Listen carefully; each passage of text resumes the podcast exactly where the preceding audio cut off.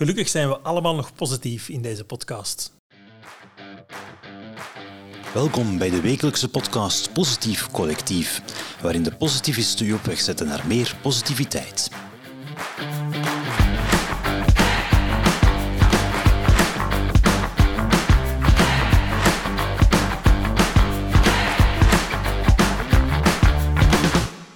Goedemiddag, dag Pim. Dag Christophe. Vandaag heb ik het eh, plezier om eh, een interview te doen met Pim van Dijk, oprichter en bezieler van positiviteit.be. En vandaag ehm, praten we over geluk en een positieve mindset. Een, eh, een thema dat wel veel bevraagd wordt als we met teams en met groepen werken. Ehm, Pim, geluk en positiviteit, ligt dat vaak ligt dat heel nauw samen? Zijn dat twee verschillende dingen? Hoe kijk jij daarnaar? Ja, inderdaad. Het zijn twee begrippen die in ons kader zeker en vast vaak gebruikt worden. Liggen ze dicht bij elkaar? Ja, zeker en vast. Maar het zijn wel twee verschillende zaken. Positiviteit is eerder een attitude, een soort gedrag dat we vertonen en is echt ook een stuk een levenskeuze. Geluk is eerder iets dat ons overkomt en dat is een moment dat, uh, dat we dat tegenkomen. Ik vergelijk dat soms met mijn uh, zoon die een examen moet gaan doen. Het is niet omdat hij een positieve mindset heeft dat hij geluk of pech gaat hebben met de vragen. Dus hij kan geluk hebben, ook al is hij niet per se met een positieve mindset daar naartoe gegaan. En daardoor wel gelukkig zijn met het resultaat dat hij heeft. Oké, dus gelukkig zijn is, is een stukje zien wat de kansen zijn, zien wat de dingen zijn die er op je pad komen. Het is een, een bewuste keuze. Ja, en we merken wel dat het voor niet iedereen even gemakkelijk is om dat te kunnen zien. En daar zijn heel veel onderzoeken over gebeurd. En um, het onderzoek toont wel heel duidelijk aan, mensen die het wel zien, ja, die gaan gemakkelijker zien wat er al goed gaat. En die durven soms ook wel te benoemen wat er niet goed gaat. En daar zit juist die positieve mindset en die positieve attitude. Het willen zien, wat gaat er goed? Het durven benoemen wat er niet goed gaat. Maar dat zijn dan de mensen ook die daar actie op beginnen te nemen. Nu, niet iedereen ziet dat altijd, het positieve. En dat zal zeker en vast herkend worden. Die leidinggevende die misschien onder operationele druk of misschien omdat hij minder die positieve mindset heeft, die enkel gaat kijken van wat loopt er hier niet goed of wat moeten we nog gaan doen en die zich daar heel veel zorgen over maakt. En die niet meer stilstaat bij wat zijn de successen die we al geboekt hebben? Wat zijn de resultaten dat we al gehaald hebben? En dat wordt dan vergeten, waardoor dat, dat soms wel een negatieve impact kan hebben aan de mensen die binnen dat team aan het werken zijn. Ja, dat herken ik. ik. Ik zie dat heel vaak mensen in het operationele dan niet meer zien. Maar het zit toch ook een stuk in hun aanleg. Ik, ik, ik merk soms, je hebt zo twee soorten mensen. Iemand waarbij het glas half vol is en het glas half leeg is. Ja. Dus dat, dat zit dan toch een stukje ook in de genen. Ja, ja, inderdaad. Het glas is half vol of half leeg. Ik zeg altijd, het is nog belangrijker om te weten waar het kraantje staat, zodanig dat je je glas altijd kan vullen.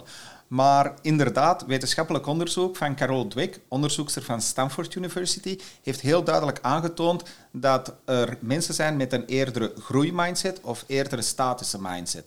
En die mensen met die groeimindset, dat zijn de mensen die gaan ervan uit dat ze anderen gemakkelijk kunnen vertrouwen. Die staan open voor feedback bijvoorbeeld en die gaan ermee aan de slag om daarvan te leren. Die zetten door als ze een tegenslag hebben en die pakken uitdagingen gemakkelijk vast en er zijn nog een aantal eigenschappen dat daarbij horen. Mensen met een statische mindset, dat is juist tegenovergestelde. Zij gaan uit dat ze anderen moeten wantrouwen. Zij zien feedback eerder als kritiek of commentaar. En bij een uitdaging proberen die dat weg te schuiven. En als die een tegenslag hebben, ja, dan geven die sneller op. Nu, uit het onderzoek blijkt dat zij ook vaak met zo'n mindset geboren worden. Op zich geen probleem, want als je met een statische mindset geboren wordt, er zijn bepaalde beroepen die daar ook een voordeel bij hebben. Bijvoorbeeld een aankoper kan als voordeel hebben dat hij een eerdere voorkeur heeft voor een statische mindset. Geen extreme, maar een eerdere voorkeur. Omdat hij dan ook beter gaat onderhandelen over contracten bijvoorbeeld. Die gaat eerder nadenken van waar moeten we allemaal voor zorgen zodanig dat dit contract goed bulletproof gemaakt wordt. Dus die, er zijn bepaalde beroepen die daar een voordeel bij hebben.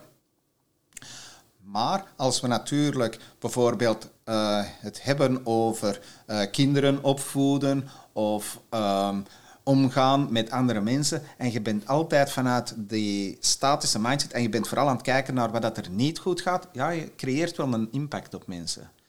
Daarom gaan wij bijvoorbeeld in organisaties ook heel vaak kijken van wat is de cultuur van uh, deze organisatie en van dit team. Is dat een cultuur met eerder een statische mindset of een groeimindset?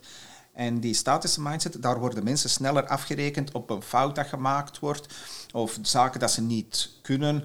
Uh, al dat soort negatieve zaken. Terwijl in een groeimindset, daar worden die fouten gebruikt om van te leren. Die worden gedeeld en als organisatie groeien in je totaliteit. Er wordt ook veel meer gekeken naar het talent en het potentieel van mensen.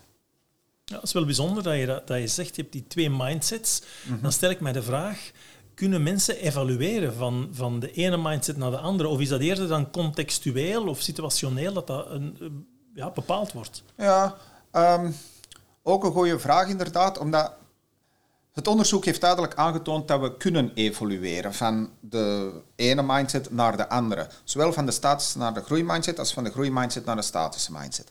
En om bijvoorbeeld te evolueren van een statische mindset naar een groeimindset, is het belangrijk dat je ook in een omgeving terechtkomt waarin dat je bijvoorbeeld regelmatig die uh, constructieve feedback krijgt. Waar dat je ook bijvoorbeeld ervaart dat als je een fout maakt, dat dat niet direct wordt afgestraft. Dat je daar ja, niet de rekening van gepresenteerd krijgt. En als je voelt dat je daar echt bij een team hoort, bij een groep hoort, dat je aanvaard wordt zoals dat je bent, met al je talenten, maar evengoed misschien met je mindere kanten, dat die aanvaard worden. En dan gaan mensen meer en meer openbloeien en dan gaat dat potentieel van die mensen ook naar boven komen.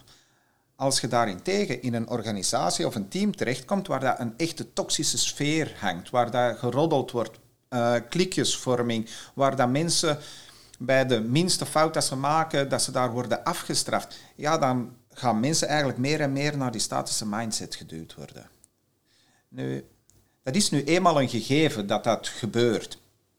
Uh, een van de twee. Maar als je echt het potentieel van mensen naar boven laat komen, zorg dan dat je investeert inderdaad in een cultuur met die groeimindset. En dan zal je zien dat mensen openbloeien. Openbloeien, ja, mooi. Ik denk dat we het allemaal wensen in een team. Ehm, als we dan spreken over een team of, of uh, mensen die dan floreren, al dan niet in een team, er is zo'n gezegde dat, dat zegt van gelukkige mensen zijn minder ziek dan ongelukkige mensen. Ik ben benieuwd bij, bij jou als bezieler van positiviteit.be hoe dat jij daarnaar kijkt. Dat is niet waar. Gelukkige mensen zijn niet per se minder ziek, maar die gaan er wel op een andere manier mee om. En ehm, daarmee bedoel ik, als positief ingestelde mens, als die zich morgens niet goed voelt, die ehm, neemt eventueel iets klein en die begint aan de dag en vaak voelen die zich tegen de middag al een pak beter een negatief ingestelde mens, ja, die voelt zich niet goed en die denkt, ah, ik kruip hier snel onder een dekentje en ik ga de hele dag in de zetel zitten en tegen het eind van de dag voelen die zich nog veel zeker. Een positieve mindset is zeker en vast ook een remedie om je net iets weerbaarder te maken tegen ziek zijn en tegen allerlei uh, ja, lichamelijke klachten. Ik ben zelf geboren met uh, een rug die toch wel regelmatig vrij veel pijn uh, geeft. Maar door mijn positieve mindset kan ik daar eigenlijk wel veel uh, vlotter mee omgaan. Ik onthoud voornamelijk dat een positieve mindset dat er een bewuste keuze is. Welke tip heb jij nog voor de luisteraar rond het thema van vandaag? Ik denk dat het belangrijk is dat we op een bewuste manier gaan kijken naar de zaken die ons gelukkig maken. De kleine geluksjes in ons leven. Dat we daar bewust naar gaan kijken. En dat zal ook bijdragen aan uw groter geluk in het algemeen. Aan de andere kant, ik denk dat we allemaal een zelfevaluatie kunnen doen, nu en in de komende week, om een keer te gaan kijken van waar neig ik meer naartoe, naar die groeimindset of naar die statische mindset. En als je zegt, ik ben eerder aan die statische mindset en ik wil wat meer groeimindset, probeer je dan te omringen door die positieve mensen. Die zullen ook helpen om jouw groeimindset te doen voeden. En het zijn kleine stapjes in de juiste richting die ook ervoor zorgen dat je daarin kan evolueren. Helder. Bedankt, Pim. Alsjeblieft.